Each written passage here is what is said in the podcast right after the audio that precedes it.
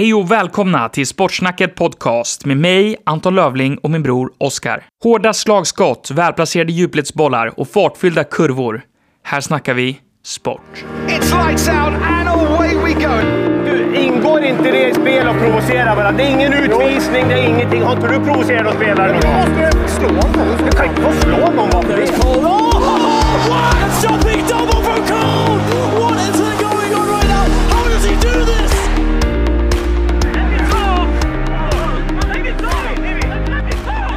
Då är vi tillbaka och eh, klassiska frågan, hur är läget Oskar? Eh, det är bra. Lite trött, men eh, annars är det bra. Ska bli trevligt att åka hem en vecka eller ungefär i, imorgon. Så ja, men det, det är bra. Själv då?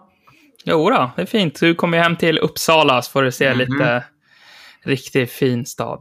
Japp. Nej, nej, det är bra med mig faktiskt. Jag har... Eh, vad har jag gjort? Jag har, inte, jag har inte gjort så mycket. Jag har varit och kollat hockey. Såg Brynäs när de var klara för eh, spel i SHL nästa säsong. Var uppe och såg. Oskarshamn-vinst den här helgen. Mm. Så det var väldigt Härligt. kul. Ja, vi båda har ju sett live-sport. Jag Ja, kollade ju på Kalmar. Tyvärr förlorade de i Svenska cupen mot Djurgården. Så det behöver vi inte prata om. Men kul att Brynäs vann. Ja, ja, men du fick se det i alla fall. Du jag fick se det. Det var trevligt. Och det var soligt och varmt så att jag ska inte klaga. Det var en trevlig Ja. tillställning. Det, det är ju alltid något i alla fall. Ja, precis. Ja, men ska vi eh, hoppa in i Svenskkollen på en gång? Ja, Vi kör på det. Yes. Eh, och vill du börja kanske? Ja, jag kan eh, börja. Eh, och då är det något som jag har tagit ut för... Ja, det var ju också bra. Vi kan ju börja med det. Det var Linda Lindqvist eh, som lyckades vinna VM. Eh, eller ett VM-guld. Eh, och hon startade från tionde plats men lyckades ja, vinna. Eh, vilket var väldigt imponerande. Eh, men anledningen varför jag ville uppmärksamma var det här var för att hon vann i skidorientering. Ja. Jag har aldrig hört talas om en skidorientering som sport så jag tyckte det var jättekul att ta upp eh, den nyheten. Också att hon vann, men speciell sport. Ja, jo, jag tänker det. Alltså, när jag tänker orientering, det är mycket springa i skog och sånt. Ska du då hålla på med skidor? Det måste ju skid... jättesvårt att Ja, försöka liksom, ja, ta det dig måste- förbi stenar och allt vad det är. ja, jag har faktiskt ingen aning om hur det går till. Jag har ju gått på orienteringsläger en, en sommar när jag var liten. Så att, ja, som du säger, det är ju springa i skogen och leta efter små grejer som man ska bocka av. Så jag vet inte hur ska man kunna åka skid? Nej, jag vet inte hur Nej. det funkar. Vi får studera den här sporten Ja, lite mer och återkomma. Men kul att de vann i alla fall. Men Ja. väldigt konstig sport. Ja, lite annorlunda. Ja, Ja. jag var ju faktiskt, jag dubbelkollade lite när du, började, när du hade tagit upp det här att Mm. eh, det har ju faktiskt körts VM i skidorientering ända sedan 1975. Så att det är ju liksom inte en egentligen sprillans ny sport så. nej, Men- nej, verkligen inte. Och det är kanske bara vi som inte, vi har antagligen för dålig koll på skidsporter. Vi har inte så bra koll så att, är men väldigt, eh, ja, unik sport. Ja. Och ett VM-guld är ett VM-guld, så att Precis. stort grattis till Ja. Linda. väldigt bra. Eh, och ska vi gå till mer medaljer och guld kanske? Mm. För Paralympics är ju klar, har ju, eller blev ju klart här i veckan. Mm. Och Sverige lyckades ta sju medaljer. Superbra. Ja, inte Men- dåligt alls. Det som jag kanske reagerade mest på var ju en 21-åring vid namn Ebba Årsjö som lyckades ta tre medaljer av de här sju. Mm. Och hon tog båda de två guldmedaljerna som Sverige tog under det här OS. Mm. Eh, och då tog hon ena skadad också. Jag såg det i någon intervju. Oj. Ja. Hon hade, hon hade gjort sig illa och slagit sig. För att hennes sjukdom är tydligen att hon eh, har mindre muskulatur på ena benet. Så ena benet är liksom smalare och tan, tanigare än det andra. Det Okej, liksom ja. bygger inte muskler på samma sätt. Mm. Eh, så det här benet hade hon då gjort illa, för hon åker, kör ju alpint eh, Mm. skidor. Och det hade hon slagit det här benet och var lite osäker, men hon bara Ja, det är ju fyra år till nästa OS, så man måste ju, man kan ju inte... Det var ju hennes tävling hon ville köra och så lyckades hon ta guld i den också. Eh, så att, ja, det är, ja, supercool story. Hon lyckades ta Sveriges båda guldmedaljer. Mm. Så att, men sju Ja. medaljer i Paralympics, det är mäktigt. Ja, det är väldigt bra. Och bra jobbat till henne och lyckas ändå avsluta tävlingen liksom med ett skadat ben och vinna medalj också. Det är otroligt. Och två guldmedaljer, det lär han vara ganska nöjd över bara 21 år liksom. Jo, exakt. Hon kommer ju få chansen igen om hon fortsätter. Mm. Mm. Sen tog jag också ut en hockeymålvakt. Mm. Och det är Erik Källgren. Han blev uppkallad av Toronto här för en sju dagar sedan. Eh, han har spelat i farmarlaget tidigare. Mm. Men i natt fick han sin första start och håller nollan. Han fick 35 skott på sig och höll nollan i sin debutmatch i NHL. Oh, Det är ruggigt mäktigt faktiskt. Han blev utsatt till matchens spelare också. Och 35 skott, det är inte li- dåligt alltså. Då har det varit ganska högt tryck på målvakten ändå. Ja, verkligen. Men 25 år ändå. Mm. Det är inte så ungt. Alltså, Nej, det är det som är lite, var det jag tyckte var kul också, att det är en late bloomer på något sätt. Ja, Målvakter brukar oftast kunna komma upp lite i åldrarna, för det behövs ett visst Mm. psyke för dem att kunna... Mm. Alltså, de, de har inte riktigt samma peak. nej. Ja. Så det var faktiskt, ja, enastående. Väldigt, väldigt bra. Får se om han får mer chanser i Toronto. Hade ju varit väldigt kul. Ja. Eh, eller om han blir, kan gå till ett annat NHL-lag kanske och få chansen från start. Liksom. Eller Mm. vara närmare och få spela än om han nu inte får chansen i Toronto. Då. Exakt. Just nu har ju Toronto lite skador på målvaktsfronten, så att jag tror att han kommer få spela mer. Han fick ju hoppa in en match här i, i början på första veckan. Det var egentligen hans första match i NHL. Mm. Eh, men den fick han ju inte spela från start. Han hoppade ju in efter ett tag. Men Ah, då, okej. eh, då släppte han in ett skott på 12. Så Mm. att eh, han spelade ändå, körde ändå bra den matchen. Men nu höll han nollan i sin debut. Ja, väldigt bra.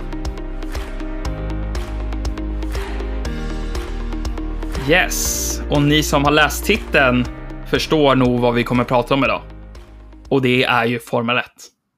För det här är Formel 1 specialavsnittet inför starten som kommer i helgen eh, på Bahrain International Circuit.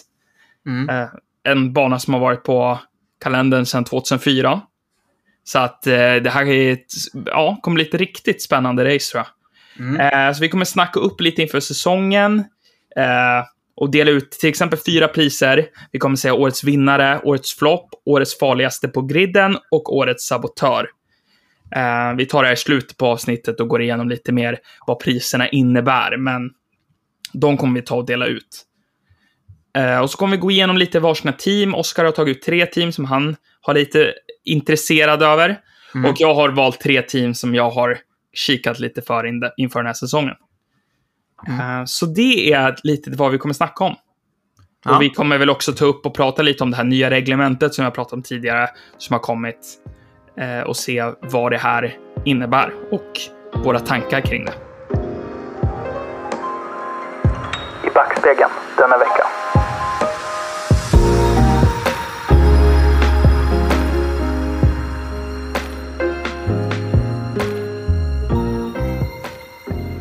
12 mars 2006 och den 57 säsongen av världsmästerskapet i formelbil skulle gå i stapeln. Denna säsong skulle Bahrain få vara den första Grand Prix på kalendern. Spänningen i luften var omätbar och de nya reglerna inför denna säsong skulle innehålla ett knockout-kvalificeringssystem, nya V8-motorer och göra det möjligt med däckbyten igen. Något som skulle slänga om alla strategier ordentligt. Med alla dessa ändringar skulle kanske Ferrari kunna hitta tillbaka till toppen av Formel 1 igen.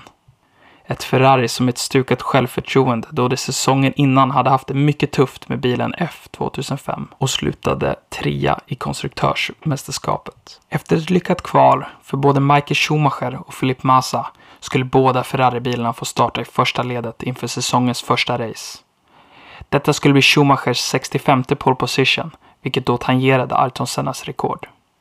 Trots att de båda Ferrari-bilarna befann sig på första ledet skulle inte det stoppa den hungriga regerande världsmästaren Fernando Alonso. Tidigt i racet lyckas Fernando Alonso ta sig förbi Felipe Massa och jakten efter Schumacher är igång. En jakt som inte varar länge då Alonso lyckas ta sig förbi Schumacher också och den regerande världsmästaren tar ledningen. Alonso ökar ledningen och leder med god marginal inför sitt andra och sista depåstopp. Ett lyckat depåstopp nu från Alonso och vinsten är hans. Alonso kommer ut några meter framför Schumacher och då var det avgjort. Schumacher jagade Alonso, men slutade på en andra plats med 1,2 sekunders marginal. Snabbaste varvet detta race skulle dock komma från rookien Nico Rosberg, som gjorde sin Formel 1-debut detta race. Det skulle dock dröja 10 år för Rosberg innan han vann denna Grand Prix och också blev världsmästare.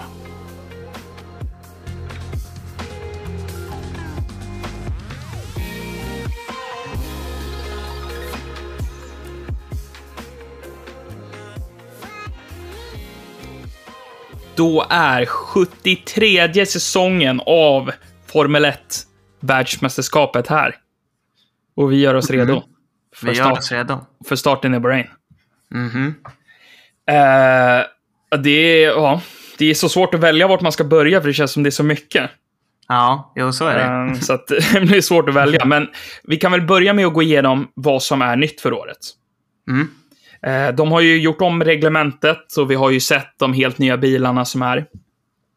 De har ju då valt att gå bort från designen som de har använt förut i den klassiska downforcen för att nu generera någonting som är mer eh, vad man skulle kunna kalla en ground force genom att bygga tunnlar, små tunnlar under, under bilen för att kunna leda luften in och suga bilen ner i backen istället för den klassiska där luften har tryckts ner på bilen. Uh, fördelen med det här, som Formel 1 har sagt, är då att det ska skapa en bättre racing på grund av att den klassiska downforcen har ju skapat så mycket dirty air bakom bilen som har varit ett problem för bilarna bakom och inte liksom kunna få möjligheten att köra om på samma sätt. Så nu med det här ground force, eh, liksom designen på bilarna som de har tagit fram, så är ju då målet att det ska kunna bli ett mycket bättre race. Att de ska kunna köra närmare och kunna inte tappa samma fart genom att ligga bakom. Um, så det är ju egentligen det stora, för Formel 1 hade tagit ut sina beräkningar från att de bilarna som de hade förra året, 2021 bilar, eh, när de låg ungefär 20 meter bakom bilen framför, så tappade de 30 procent av sin downforce, vilket är väldigt, väldigt, väldigt mycket. Eh, med den här nya typen av designen på bilen, som ska då skapa den här typen av groundforcen, så då när de ligger 20 meter bakom en annan bil så ska förlusten vara på 4 Uh, så det är ju en jättestor skillnad. Det är ju liksom 26 procents skillnad. Mm. Uh, om vi då tar bilen när den skulle ligga uh, 10 meter så skulle förlusten, eller var förlusten förra året, 47 procent. Så då försvinner nästan hälften av all downforce. Så det gjorde det ju så svårt. Det var ju därför de hade ju eh, DRSen och det för att kunna göra det lätt att kunna köra om. För att annars var det så svårt att faktiskt kunna köra om. Och de vill ju gå ifrån det för att det ska bli mer intressant racing. Eh, och som sagt, nu, nu med det här nya, så då 10 meter bakom bilen framför, så kommer de tappa bara 18 procent av sin downforce. Så, Ja, precis. Det, det var ju otroliga skillnader där när du säger procent och sånt. Och ja, det är det man känner som tittar. Det roliga är ju när någon overtakar eller försöker. Och om de gör det lättare genom att göra den här ändringen eh, så blir det bara roligare att titta på. För, förhoppningsvis så blir det mer overtaking eh, överlag liksom i F1. Så att ja, förhoppningsvis får den eh, effekten de vill och att vi får se mycket mer overtaking. Ja, och det kommer ju bli bättre typ av racing då också om de kan ligga mycket tajtare och hålla samma farter. Eh, det kommer ju bli mycket spännande, för det är ju spännande, typ som i starten, när alla ligger så extremt nära varandra och man vet inte riktigt vad som ska hända. Liksom. Mm. Nu om de kan behålla farten och hålla sig så nära varandra och inte tappa för mycket fart. De kommer Mm. ju inte vilja hålla sig så nära om de inte ska om bra. Men Ja. fortfarande att man kan hålla sig mycket närmare och ändå behålla hastigheten tror jag kommer ja, det kommer göra det mycket, till ett mycket bättre racing. Så jag tror att det här reglementet, just hela den filosofiändringen som de ser i bildesignen inför det här året, tror jag är väldigt, väldigt bra.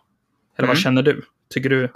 Ja, jo men som jag sa, det känns ju som att om det blir roligare att titta, då känns det som ett bra val och det är mycket snack om det kommer bli jämnare i år eh, än förra året och eh, blir det jämnare också, då är det också roligare att titta. Eh, så ja, förhoppningsvis eh, får den de effekterna som de har ja, sagt att de eller har fått ut på sina studier att det ska bli. Så ja, det ska bli, det ska bli intressant att se. Mm, det kommer bli spännande. Eh, motorreglementet är ju då fruset. Så det kommer inte ändras förrän 2026. De kommer fortsätta med de 1,6 liters motorerna, turbohybriderna, som de har haft. Eh, och det tycker jag, ja, det är inte så mycket att säga till om det. Att säga om det, de har, har varit bra de här motorerna. Jag tycker inte det har varit så mycket folk som haft problem med motorhaveri och sådana saker. Så att eh, jag tycker att det har känts som en, en väldigt bra och stabil motor som de har haft. Mm. Eh, något annat stort som också är ganska markant som man såg skillnaden nu när man såg de nya bilarna. Eh, det var ju då att de har fått lite större fälgar. De har ju gått från 13 tum till 18 tums däck. Eh, planen, alltså som jag har förstått det, varför de har velat göra det här, är för att kunna eh, minimera fönstret, eller inte minimera, men göra det mer optimalt fönster för att hålla eh, temperaturen på däcken. För att på grund av att det större däcket tidigare har gärna blivit överhettat när bilen har glidit för mycket. Så att eh, det är väl planen med det här. Men när de har då större fälgar så tillkommer ju en vikt på liksom en 11 kilo per däck. Så att eh, det kommer bli en ganska stor skillnad så. Så att vi kan bli svårt för bilarna nu i början att komma ner till den minimumvikten som de gärna vill ligga på. Ja, ja, det blir intressant att få se vad det har för påverkan eh, på, alltså, ja, på racing. Eh, bara Visst. estetiskt sett Ja. tycker jag de är coola ju. jag tycker de är coolare. de var ju faktiskt coolare än förra åren tycker jag faktiskt. Eh, så att på det sättet är det bra, men det kanske inte spelar så stor roll egentligen. Men man får väl, vi får ju se vad de har för påverkan på, ja, på själva racingen då. På racingen, exakt. Mm.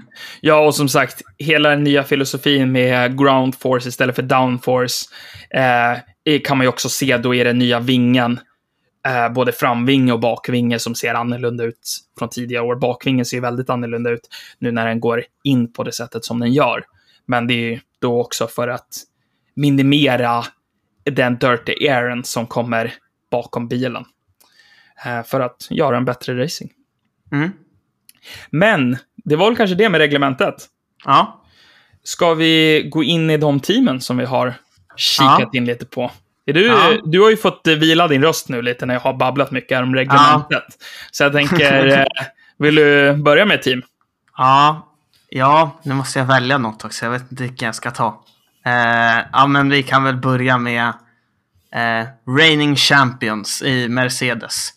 Eh, det är en av de lagen som eh, jag har tagit ut och tittat lite närmare på. Eh, ja, och som jag sa, de är ju, vann ju förra året. Eh, Lewis Hamilton vann ju inte förar-VM, men de vann ju konstruktörs-VM. Eh, och har ju en ny förare i Russell, George Russell. Eh, och eh, ja, det ska ju bli, det riktades ju länge om att han skulle gå dit innan det väl blev klart och han var väl storfavoriten eh, länge före säsongen. Om, om man har sett Drive to Survive eh, så var det ju mycket snack om honom, eh, att han skulle gå dit och det var väl efter, var efter Silverstone när han gjorde så bra som han Ja, pratade med Toto va? Ja, precis. Ja, som det kommer överens. Ja, precis. Så det ska bli väldigt kul. Eh, han är duktig. Eh, gjorde några riktigt bra race eh, i en väldigt dålig Williams-bil. Så att det ska bli väldigt spännande att se vad han har, eller vad han kan göra liksom när han får köra, en, eller köra en riktigt bra bil. Han fick väl chansen för två, eh, inte förra säsongen, men säsongen innan. Eh, Hamilton Mm. hade corona. Eh, men fick väl, det var något fel på bilen så han behövde Ja, Retire, jag tror inte exakt. han- Nej, han kom inte i mål. Nej, precis. Men han låg ju bra. Jag tror han låg två eller tre där. Eh, så att eh, han är ju en ja, väldigt duktig förare som sagt och ska bli kul att se hur han kan göra i en riktigt stark bil.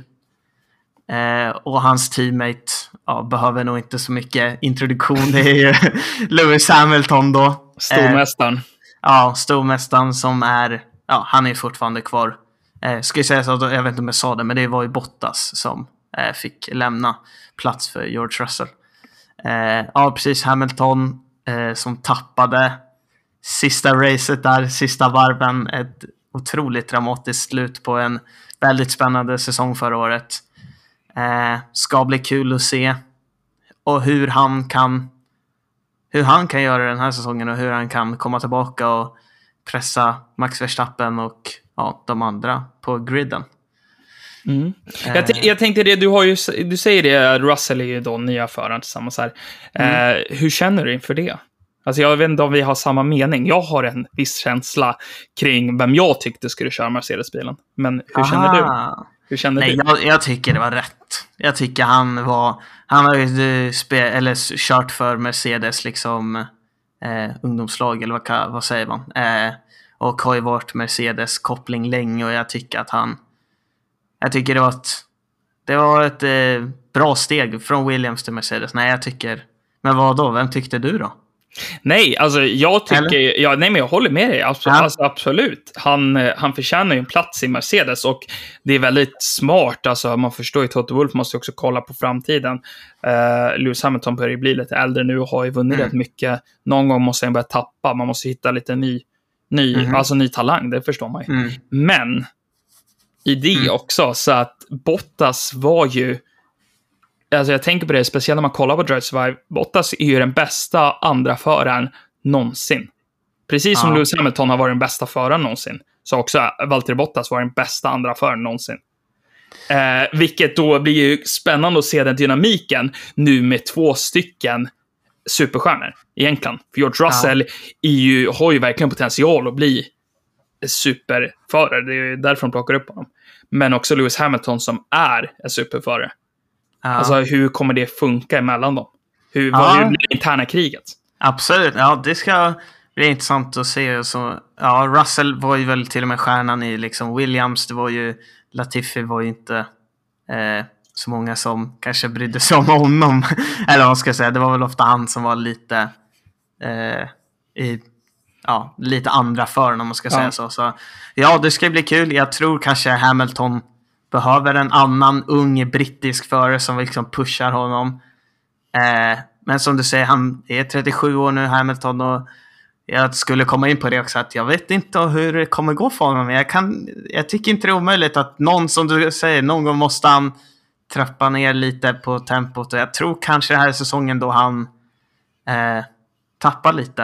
Eh, men ja, lite om Mercedes-bilen också. Eh, det var inte egentligen något jättebra resultat från testkörningen eh, nu i helgen som var här i Bahrain. Eh, men det är också Mercedes-bilar, man kan aldrig räkna bort den. Och, Nej, och just med testerna också är ju så osäkert. För man vet liksom Ja. aldrig riktigt vad de testar. Så Nej. att det är så svårt att säga. Nej, precis. Men Hamilton gick ju också ut och sa efter att med den här bilen kan jag, kommer vi inte kunna vinna. Liksom, så att, Nej. nej, det, det ska bli intressant att se den, den duon. Det, det kan nog bli väldigt hett emellan dem liksom, eh, någon gång. Men ja, eh, vill du ta någon av dina? Ja, teams? jag tänkte det, för faktiskt om du kör Mercedes, Mm. då kan ju jag, du tog konstruktörsmästarna, då Ja. kan jag ta förarmästarna. Ja, Red Bull. Red Bull. Red Bull är ett av de teamen jag tog ut, som då fortsätter med sina förare Max Verstappen och Sergio Perez inför den här Mm. Eh, Red Bull, ja, de vann, lyckades vinna förra året. Det var ju som sagt väldigt dramatiskt. Det de som såg, de vet. Ja, det, är- ja, det är helt otroligt. Ja, Men jag skulle säga att det här är det bästa förarparet på griden.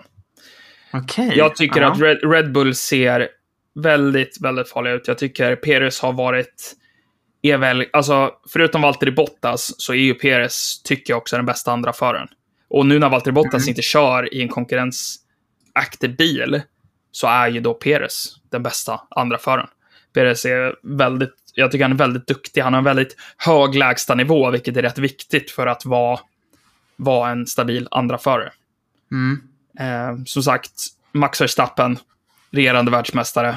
Vad ska man säga? Otroligt begåvad racingförare.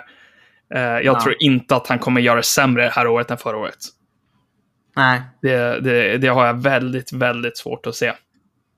Nej, jag, jag, jag, jag håller med dig. De är ju jättebra som sagt. Och det är svårt för jag tycker de här två lagen, är ju, eller teamen, alltså, är ju de två som har ganska... Med tanke på att Max är så bra och Lewis har varit så bra, så blir det liksom en andra föraren blir ganska... Mm, tydlig andra förare, om vi ska säga så. Exakt. Alltså kollar vi på lagen bakom McLaren och Ferrari, då är det lite jämnare förare. Eh, och jag tror för att det är där som är skillnaden också kanske på ett bra lag, liksom ett lite mindre bra lag, att ha en superförare. Kanske är... Eh, Jo, men jag tänker också när man, om man kollar typ som jag kollar mycket på hockey, bara för att ta en referens. Att om man kollar på de hockeytrupperna som gör det bäst och sånt. Det är ju inte bara de som har massor med stjärnspäckar, men det gäller ju att du har stjärnspäckarna som också är villiga att ta den rollen som de blir satta i. mm, Om det då är liksom i fjärde kedjan, eller i ett tredje backpar, då vet du vilka minuter du kommer göra och vilken, vad som förväntas av dig. ja, Eh, och det är liksom lite det jag menar här också med, med andra föraren, som sagt. Att Ja. du vet att du är andra förare, då vet du vad som kommer krävas av dig. ja. Eh, och Perez är den bästa, skulle jag säga. Ja, jag skulle hålla med dig nu också. Han är den bästa. Eh, Mm. Nu med tanke på att Bottas har bytt eh, team. Mm. Så ja, absolut. Nej, och jag tror också eh, Red Bull-bilen kommer nog vara den... Ja, jag skulle gissa på den vassaste i år faktiskt. De Mm. har ju... Honda-motorn som de har haft har ju varit väldigt, väldigt bra. Eh, Mm. De har ju Adrian Newey som är deras tekniska direktör och han är ju jobbat många, många år i Formel 1 och är väldigt, väldigt, väldigt, väldigt duktigt teknisk. Och jag Mm. tror att han har kommit fram till några bra lösningar runt eh, aerodynamiken på den här bilen. Mm. Mm. Så att jag tror att eh, ja, Red Bull ser ruggigt farliga ut faktiskt. Ja, Eh, men de kommer, vara, de kommer vara där uppe. Det är eh, ingen tvekan om det. Kan Nej. man ju nästan nu säga. Det tror jag. Eh, utan att vara för vågad. Exakt. så är det ganska lätt att säga att de kommer vara där uppe i toppen. Utan för att, stick, utan för att sticka... Vad säger man? Sticka Fan, ut hakan. Ja, sticka ut hakan för långt. Så Ja, är det. Exakt. Precis. Så Eh, Vad har du med på listan då? Ja, jag har ett team som jag mer hoppas på kanske än eh, tror på. Nej, jag tror nog lika mycket som jag hoppas och det är då Ferrari. Eh, som vi var inne på lite förra veckan tror jag. Eller liksom Ferrari, det är ju verkligen racing. Det är ju Ja. det, är det första man tänker. När man tänker sportbilar, snabba bilar, då är det Ferrari, den klassiska röda färgen liksom. Eh, så jag hoppas verkligen, de har ju inte varit de, är, eller, de har ju varit bra, men de har inte varit nära varken Mercedes eller Red Bull eh, senaste säsongerna. Eh, så jag hoppas att de har fått bilen tillräckligt bra den här gången. För de har ju nu två bra förare verkligen. Eh, och som har fått kört ihop en säsong. Jo, de gjorde det bra förra säsongen. Eh, eh, Leclerc har nu, går in på sin fjärde säsong, börjar li, bli väldigt rutinerad liksom. Eh, Sainz, och, Sainz är också en duktig förare. Eh, har kört i F1 länge nu. Eh, kom femma förra året. Eh, jag, tror, jag tror mycket på... Om jag skulle säga en 1 och 2 driver då skulle jag ändå säga att Sainz är bättre än Leclerc. Så att Sainz tror jag mycket på i år. Okej, ja, för det var det jag tänkte fråga dig faktiskt. Här är Mm. ju, vi pratar ju just om vikten i att ha en första och en andra förare. För det här Ja. är ju ett team där det är stor fråga är vem är vem? Ja, Men du, du skulle ändå säga att Carlos Sainz tänker du första förare? Ja, jag skulle säga det att han... Jag tycker han är lite bättre, lite mer experienced och... Men absolut att Leclerc ska vara där precis bakom och de är ju jämna och Mm. eh, jag vet inte hur stor poängskillnad det blev förra året mellan dem. Eh, jag tror inte det var så mycket men... Eh, nej, som sagt, Sainz är väldigt duktig. Ja, alltså både Sainz och Leclerc är ju två väldigt duktiga förare, så att Mm. det är ju ingen fråga om det. Det är ju frågan då att vem som får det lilla sista när skon kniper liksom. Ja, Men, eh, ja, ja jag tittar väldigt lite duktiga fort där. Det var bara sex poängs skillnad mellan de två förra året. Ja. Leclerc kom eh, sjua och Sainz kom eh, femma. Så att, eh, de är ju väldigt jämna och det är, det är svårt att utsätta en som liksom huvud eller liksom första driver. Men jag skulle ändå säga att det är Sainz med tanke på att han är lite mer han är lite mer rutinerad han ändå. Ja. Men det är absolut två duktiga förare. Ja, Ferrari tror jag också kommer kunna göra stora framsteg här, Mm. den här säsongen faktiskt. Känns som de har varit på väg åt rätt håll länge. Mm. Och nu har de två, två förare som verkar funka rätt bra. Mm. Kemiken också. ja, Vilket jag måste också ge plus för Carlos Sainz. Att det känns som Carlos Sainz funkar med vilka föraren än får bredvid sig. ja. Jag tycker ja. det. Alltså, han, var ju, han och Lando Norris var ju handen i handsken liksom. Ja, och det känns som precis. han och Leclerc nu också funkar hur bra som helst. Ja. Eh, Carlos Sainz har verkligen något sätt att få, få det att funka med vilken teammate han än har, vilket jag, Ja, det är väldigt... vilket jag beundrar lite. Ja, verkligen. Men eh, ska du gå in på något av de lagen, två, som du har Mm. kvar? Yes, och då tänker jag Ferraris största fiende förra året var ju McLaren. Ja, de kommer inte ha en chans. Va, Vad är det för du? dåligt lag? Mitt absoluta favoritteam. Nej. Jag vet, jag skojar. Ja, nej, McLaren, McLaren är ju lite av eh, mitt favoritteam som jag håller på. så. Men Mm. eh, jag har inte så positiva nyheter, faktiskt. Eh, jag tycker jag ser en nedåtgående trend. De lyckades ju vinna sitt första race förra året. Men Ricciardo har haft det tufft i bilen. De har sjunkit, de förlorade mot Ferrari förra året. Mm. Eh, de har inte, det känns som de inte riktigt har hittat det på något sätt. Eh, vi får se, det är ett nytt reglement, det är väldigt svårt att säga liksom, hur de nya bilarna kommer funka nu. Och de här testerna vet man inte riktigt vad de testar heller. Men just i testerna, Daniel Ricciardo till exempel var ju sjuk, så han fick ju inte ens köra det, eh, testerna. Mm. Eh, men Norris hamnade ju inte heller riktigt sådär superbra. Låg rätt långt efter. Han hann dock köra, han fick ju köra ganska mycket varv, vilket är bra, för då hann de ju få mycket tester gjorda. Mm. Men det var, han såg inga supervarv. Men vi får se, jag vet ju inte riktigt hur strategin är inför deras tester och sånt som de har kört. Nej, men- det ska ju bli... Ja. Ja, nej, men jag tror som sagt att det är tyvärr i alla fall en nedåtgående trend på McLaren. Jag tror inte att de kommer slå Ferrari. det Nej. tror jag nog inte. Nej, det ska ju bli spännande och det var ju kul att se. eh, Jag refererar till Drive to Survive igen, men eh, det är ju som sagt väldigt kul att få se mer bakom kulisserna, mer än vad man gör från deras sociala medier och eh, sånt. Så att, eh, och då fick man ju se en liten annan bild som jag kanske inte hade egentligen på eh, mellan de två. De, jag tyckte de verkade vara så himla bra kompisar eh, förra säsongen, men man fick se att det var lite, det var ändå eh, Absolut, de var bra kompisar, men det var ganska Det var lite tufft tension, emellan. tension ja, ja. Och Ricciardo som inte fick det att funka liksom i, eh, i början av säsongen och Lando Norris som gick bra och liksom inte... Ja, det ble- blev ju någon deal där att han sa att han inte hade någon sympati för honom, att det gick Ja. dåligt i bilen och så. Så att ja, det kanske inte är... Ja, som du sa, de fick det inte... Ja, de, för, eller, ja, de förlorade mot Ferrari och det var inte jättebra förutom det Monza-racet. då. 1-2 var ju väldigt, väldigt bra. Ja, det är väldigt bra. Men ja, det ska bli intressant att se hur de kommer tillbaka och kanske förhoppningsvis gör bättre. Men Mm. från dina, från vad du sa så ser det inte så bra. Eller har jag inte så höga förhoppningar. Nej, det ser lite mäktigt ut. Men som sagt, jag hoppas att de gör en lyftning. Och det Mm. finns ju positiva saker också, så jag tänker inte skjuta ner mitt drömteam här. Nej. Att eh, så är det inte. Man Nej. kan ju säga att MCL 36an, bilen som McLaren kör i år, är ju utan tvekan den snyggaste bilen på griden. Det vet alla. att där, där är ingen diskussion i alla fall. Och unpopular opinion tror jag du har där. jag tror du är väldigt ensam med att tycka att den är snygg. Det tror jag jag tyckte den var snygg, men jag tror inte... Jag har inte hört många andra som tycker den är snygg faktiskt. Ja, det är, det är den snyggaste. Så ja, jag tyckte det var kul att de körde bebisblå och orange. Lite, Ja. lite gulf. Eh, nostalgifärger sådär. Så Ja. att jag, jag tyckte det är riktigt. Och sen som sagt, Lando Norris ska sägas är en fantastisk förare. Jag tror Mm. att det är bara en tidsfråga innan han vinner ett mästerskap. Eller inte ett mästerskap, men sitt första Grand Prix menar. Ja. Eh, ja, han kommer vinna VM snart också, det tror jag. Men vi får kunna få bilen för det. Ja. Men vinna sin första Grand Prix är bara en tidsfråga. Jag Mm. tror... Jag vågar ändå sticka ut hakan och säga att han kommer vinna sitt första Grand Prix det här året.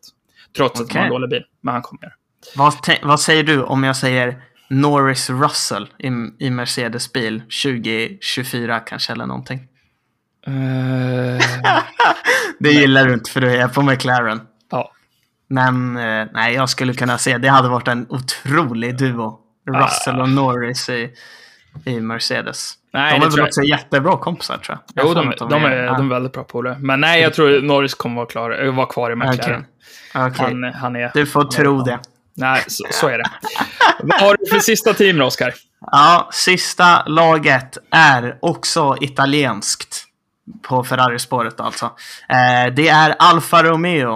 Eh, som har två stycken nya det är väl de enda som har bytt ut båda. Exakt. Eh, det tänkte jag inte på Med nu. sprillans Men- nya. Ja, precis. Eh, en ny i F1 total, eller han har aldrig kört i F1 än, men en som är rutinerad och det var ju som vi var inne på inne, eh, innan. Eh, Bottas har då gått till Alfa Romeo efter att ha blivit, eh, ja, efter att lämna Mercedes. Eh, inte fått fortsätta där. Och sen är det också Guan Yu Zhou. Zhao. Zhou. Jag vet inte hur man säger. Nej, Guangzhou tror jag. Guan Zhou. Ja. Tror jag. Jag vet inte. Det är vad jag har hört folk säga. Men, Ja, eh, det var väl länge sedan det var en kinesisk Ja. F1-förare. Kanske aldrig, eller? Nej, jag vet. Jag har faktiskt inte koll på det. Jag tror Nej.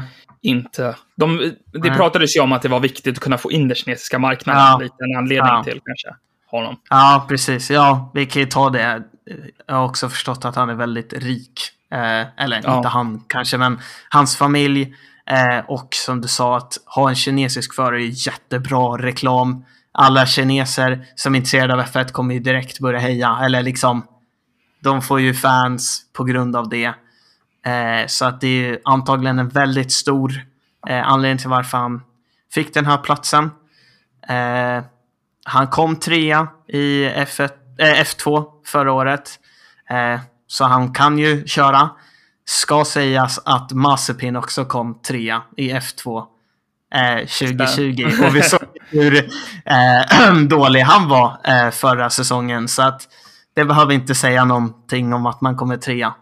Eh, men ja, jag vet inte, inte mycket om honom alls. Utan han är ett... Eh, han är en doldis. Vi får se hur det går Ja. för honom helt enkelt. Men anledningen varför jag tog upp de här är ju såklart för Valtteri Bottas. Eh, som vi var inne på, lite, kanske den bästa eh, andra föraren på väldigt länge, kanske någonsin till och med. Eh, Med tanke på att han var eh, andra förare till Hamilton så länge och Hamilton vann och Mercedes vann. Ja, hur mycket, många gånger de nu vann vet jag inte, men väldigt mycket. Eh, men nu får han vara, kanske för första gången, liksom first driver. Nu är det han som ska ta poängen. Det är ju han som är, han har experience. Det är han som har kört förut. Han kan det här bättre. Och det är han som ska göra det för Alfa Romeo. Eh, så det ska bli väldigt kul och ja, se hur det går för honom när han får vara stjärnan i laget. Eh, och det var väl anledningen varför jag tog ut eh, dem, liksom. eller varför jag ville prata om dem. Mm. Ja, jag hoppas att Alfa Romeo-bilen är konkurrenskraftig i år. För som sagt, det skulle vara väldigt coolt att kunna se Bottas kriga om lite riktiga poäng eh, som första förare. Det skulle vara häftigt att se. Och också häftigt att se honom i den rollen. Och se Ja. hur, hur han tar det, hur det funkar. Liksom. Ja, ja, det hade varit väldigt kul och som jag hoppas att eh, Alfa Romeo-bilen är ja, bättre än förra året så att de kan i alla fall fightas mer mot kanske eh, Alfa Tauri och alpinbilarna liksom bakom toppskiktet. Men ja, eh, och så också se Bottas i ja, nummer ett sätet. Ja. Men, Det blir häftigt. Och Guangxi. Guangzhou, och eller vad man, Guangzhou, hur, ja, hur man uttalar hur man nu säger, han också, vi ska inte glömma bort han. Nej, det blir spännande. Alltså, att se rookies tycker jag ändå alltid är lite spännande. Ja. för man vet Precis. inte riktigt hur de tar det. Nej. Och se deras första race är alltid lite kul. Ja. Så att, Enda rookien va? Mm, Ja, den här säsongen. ja, lite skillnad från förra året när det var tre. Ja, verkligen. att, Men, på tal om tre rookies, så var det ju ett team som hade två rookies förra året. Vilken övergång han gör. Och jag ska. Verkligen, prata om wow. det teamet. Och det är Haas. Haas. F1-team. Mm. Eh, som nu har gjort sig av med ena killen. Nej. Men Urukali, som vi har pratat om tidigare, har ju dragit sig tillbaka. Hela grejen med Ukraina, Ryssland. Ja. De har ju dragit tillbaka alla sponsorgrejer och Nikita Mazepin är som sagt inte längre förare. Det har vi också pratat om tidigare. Ja, Eh, och de tog ju då in Kevin Magnussen. precis. Det var ju mycket diskussioner om vem som egentligen skulle komma in, men det slutade med eh, Kevin Magnussen som har varit den mest framgångsrika föraren för Haas-teamet. Så att eh, det här teamet valde jag för att, såklart, mitt, McLaren är mitt favoritteam, men jag tror Haas är mitt andra favoritteam det här året.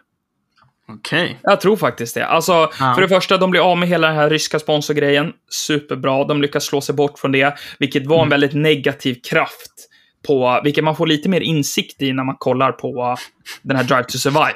Ja, Att vilken negativ inverkan det hade med att ha dem, eh, Ja. Mazepin-familjen i ja, ska ni se på ett avsnitt från Drive to Survive, då är det det med Haas. Det är väl typ avsnitt fyra eller någonting. Ja, Mazepins pappa, det är nog den läskigaste människan jag har hört prata på den här jorden. Alltså. Ja, var, han är roligt. Han är lite läskig och... Ja, nej, men som du säger, det var ju...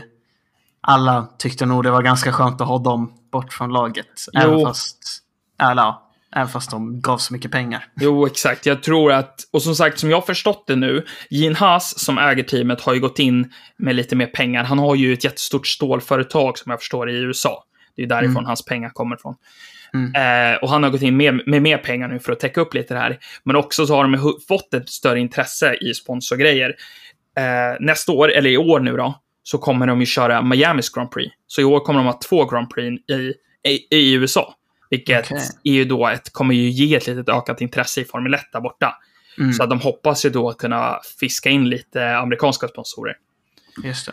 Så, att, eh, så det blir spännande att se. Men också så när vi har pratat om träningen och det, så har ju Haas faktiskt varit väldigt, ja, chockat mig lite i hur, hur bra det har sett ut. Som sagt, man vet ju inte riktigt med testerna, men, men alltså Mick Schumacher har ju verkligen vuxit in i sin roll. Mm. Och jag tror att Mick Schumacher kommer vara jätte, göra jättestora framsteg i år. Och tillsammans med Kevin Magnusson som, Ma- Magnussen som har väldigt mycket erfarenhet av motorsport men också Formel 1. Eh, kan bidra som en väldigt bra mentorsroll till Mick Schumacher tror jag. Vilket Ja. kommer göra ett perfekt radarpar där tror jag. Ja, det ska bli spännande att se eh, Eh, Kevin Magnussen och eh, ja, hur han kan göra igen. Eh, få chansen igen ju. Var ju med tidigare i Haas. Och ja, som du säger, Mick Schumacher visade ju ja, vissa race att, eller han visade ju hela förra säsongen tycker jag att han var en bra förare. Eh, men vissa race var ju extra bra liksom. Så att det finns ju en bra förare och han har nog en ganska det finns väl en anledning till varför det, han är ganska duktig. Ja. Det är ett välkänt efternamn, eh, så att han har nog fått ganska mycket tips och tricks från sin pappa och så. Så att nej, men eh, jag håller med. De ska bli, från att gå från de kanske det tråkigaste laget förra säsongen Ja. till ett intressant lag nu helt plötsligt. Absolut. Så att, Nej, så det är därför jag valde att ta med dem också, för att som sagt, som du säger, Haas var verkligen förra året, det var, det spelade ingen roll om Haas var med i världsmästerskapet eller inte, det var ingen som skulle bry sig. Helt, Nej. alltså helt krasst, ingen skulle bry sig. ja, Men Ja. i år så är det ett helt annat Haas vi kommer se. ja, Som sagt, Schumacher har kört in sig, Kevin Magnussen är tillbaka, Urakali är borta. Alltså det är... Allt Mm. Ja. pekar åt rätt håll. väldigt spännande. Så att eh, jag tror att Haas kommer få, få en riktig, riktig nytändning faktiskt. Mm, Mm, bra! Det var ju våra team vi hade tagit ut då. det var det. Vi Får jag- kunde inte ta upp alla. Vi Nej. hann inte med det. Så att vi tog ut några. Eh, de vi tyckte var mest intressanta. Helt enkelt. Ja, ja annars skulle det här avsnittet bli två timmar långt. Ja. Det, det känns alldeles för jobbigt. ja. Men snyggt! Mm. Bra! Då är det väl dags att dela ut lite priser. Ja.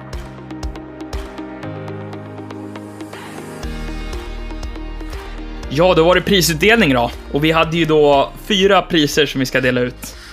Vilket är årets vinnare, vilket vi motiverar så att de som då gör största framstegen från förra året. Eh, så att det är ju kanske då inte egentligen vem som vinner världsmästerskapet eller konstruktörs-VM. Men den som gör största framstegen från förra säsongen till i år. Mm. Sen tar vi ut årets flopp, vilket är då motsatt. Den som gör, ja, de, vad ska man säga, sämsta tappningarna eller största bakstegen i, Ja. i utvecklingen. Sen plockar vi ut årets farligaste på griden, vilket är lite samma som vem kommer vinna mest race. Mm. Vi tar också ut årets sabotör. Nu är ju Nikita Mazepin borta. Så den här var ju tuff faktiskt. Så den den var här ju är svår. faktiskt tuff. Vem, vem kommer förstöra racen? Eh, ni får snart veta, för nu går vi igenom här priserna. Ja. Eh, årets vinnare, då har vi tagit ut en varsin för att vi kunde Mm. inte enas här. Vill du eh, börja? Vem blir årets vinnare, Oskar? Ja, okej, så jag tänkte så här, okej, vilken kan göra bättre? Men Anton, ja, han gjorde det lite lätt för, som, för sig, så ni kommer få se det sen. Men i alla fall, jag tog Ferrari. Jag tror stenhårt på Ferrari. Jag tror om, ja, om de sköter sig och om bilen har blivit så pass bättre och de har kört ett år nu, ja, jag tycker inte det är omöjligt att de skulle kunna ta en andra plats till och med i konstruktörs-VM. Eh, så jag tror verkligen på Ferrari och jag hoppas att jag inte har fel. För jag tror och vill att de ska vara bra. Yes, du har ju fel för att det är inte årets vinnare. För att jag har ju då tagit ut Haas F1-team. Ja. För Haas kommer vara mycket framgångsteam. Framgångsrikt team i år. Svårt. Det är svårt för dem att bli sämre med tanke på hur dåliga de var förra Ja, året. exakt. Så det, absolut, jag förstår. Det är lite taskigt av mig att säga, för de kan ju inte sjunka sämre än tionde plats. Nej. De kommer ju göra framsteg. Ja. Men, jag tror på riktigt att det här är ett team som kommer ligga och kämpa om poäng varje race nästan. De kommer ha en Ja. förare som är uppe och är nära poäng varje race. Ja, det skulle ju vara sjukt. Ja, så jag tror att de här gör väldigt, väldigt stora framsteg i år och därför utsätter, säger jag dem som årets vinnare. Ja, Men du tar Ferrari. jag tar Ferrari. Okej. Vad säger du om årets flopp då?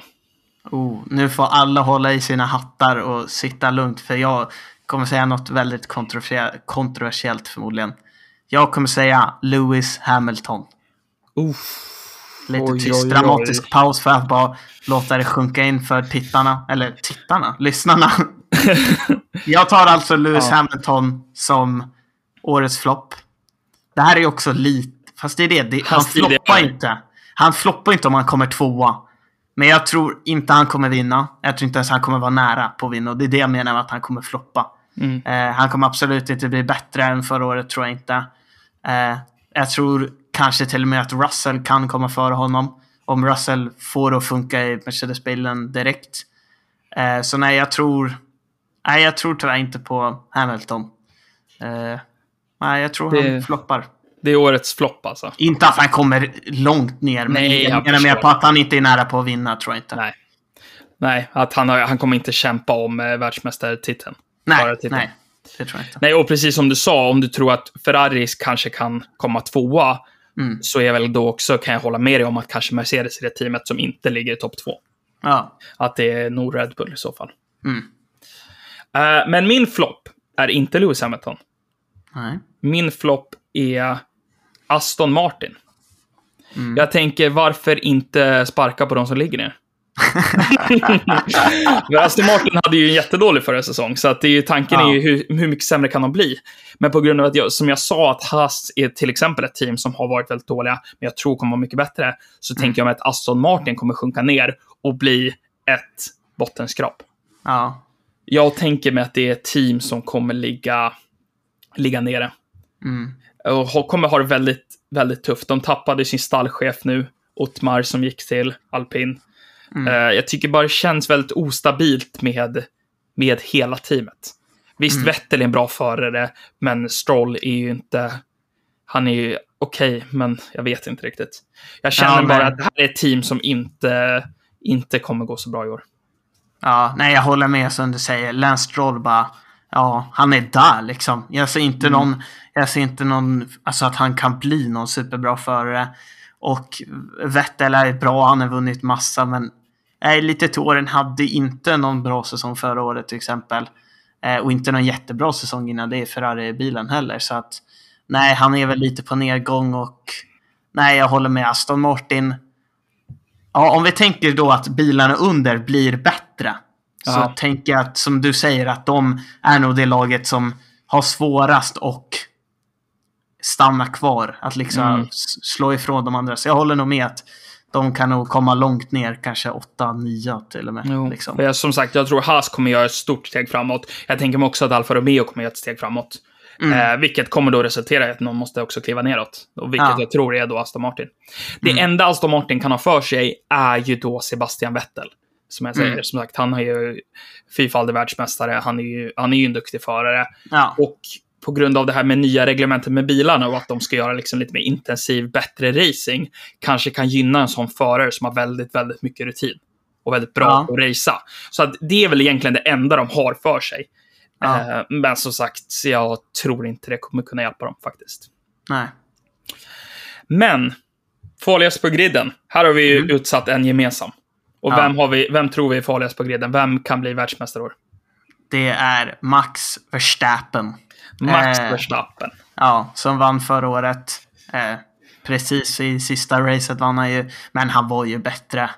Över hela säsongen så var det ju mycket, ja det var ju förtjänt att han vann och ja, vi tror att han kommer fortsätta vara väldigt bra. Ja, det är som sagt, det är väl ingen skräll. Alltså, är ju, han är ju regerande mästare, han är ju en väldigt duktig förare. Och som vi säger, han har Perez bredvid sig som är säkert den bästa andra föraren nu när Bottas har flyttat på sig. Mm. Eh, alltså, har ett väldigt bra team. Mm. Han har all, alla verktygen till att lyckas. Ja, alla förutsättningar. Så jag, jag räknar med att han är där uppe, etta, tvåa varje race. Om det inte är någon krasch eller någonting som händer. Mm. Men ja, han kommer vara... Frågan är, är det här en ny era? Tror du att han skulle kunna gå och vinna flera gånger? Jag, jag vet inte, Mm. jag frågar dig. Vad tror du? Tror du att han kan... Ja, Har han det i sig? Nya Hamilton. Ja, Eh, jag tror inte... Det är kanske också lite vad jag önskar. Men Mm. jag tror inte att det kommer bli en ny era, precis som vi har sett Mercedes eller som vi såg Ferrari i början på 2000-talet.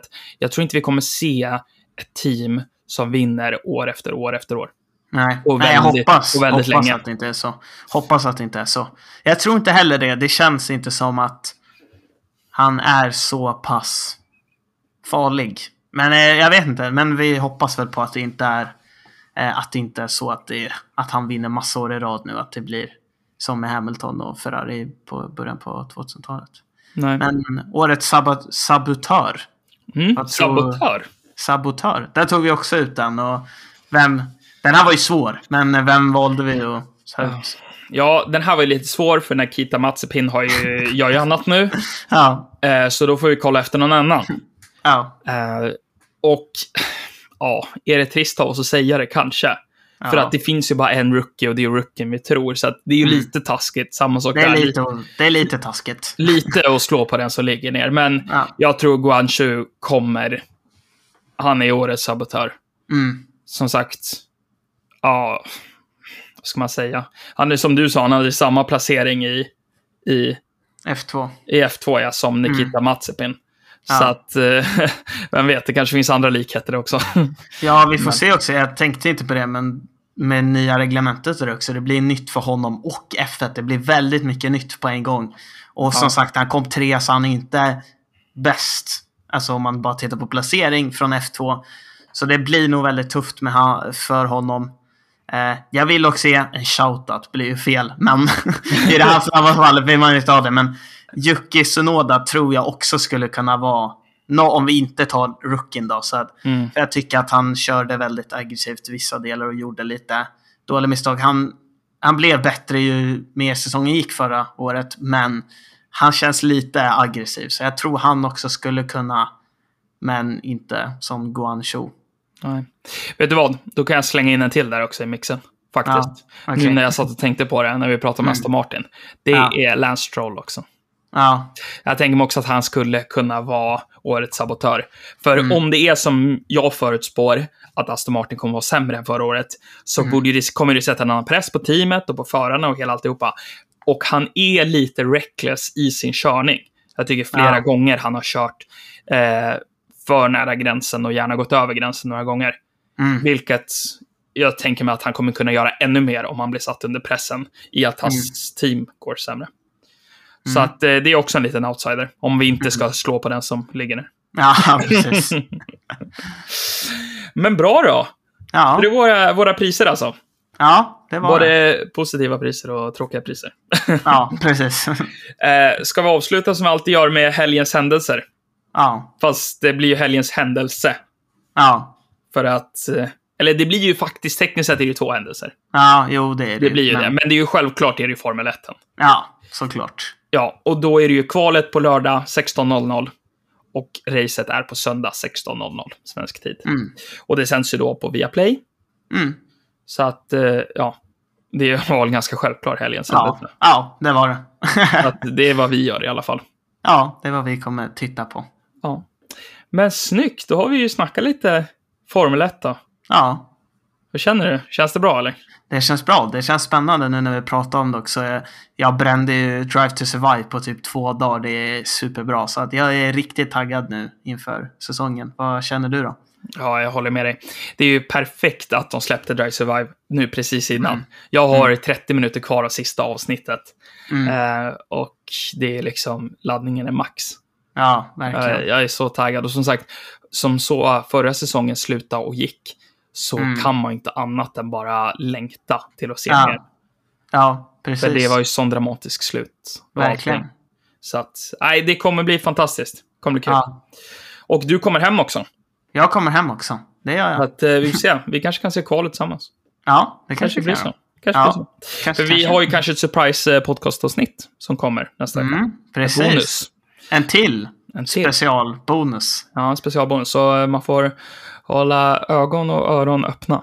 Ja, precis. Så ja, den släpps ju här som alla andra podcasts. Så att det är Ja. inte så. Men, Nej, eh, nej, men bra då, Oskar. Tack. bra. Det var För, eh, trevligt. ja, det var ju bra snack. Hoppas att Ja. det går bra för dig när du åker upp till Uppsala imorgon. Ja, det hoppas jag också. bra. Och så heja Ferrari, säger jag. Ja. Let's go, Lando Norris. Ja. Nej. Nej, okej då. Nej. Ja, Ja, men... kanoners då. Vi kan i alla Yes. fall avsluta med att MCL 36, McLarens bil, är den snyggaste på gubben. Nej, det är den inte. Men tack för att ni har lyssnat. Bra, hej! Hej då.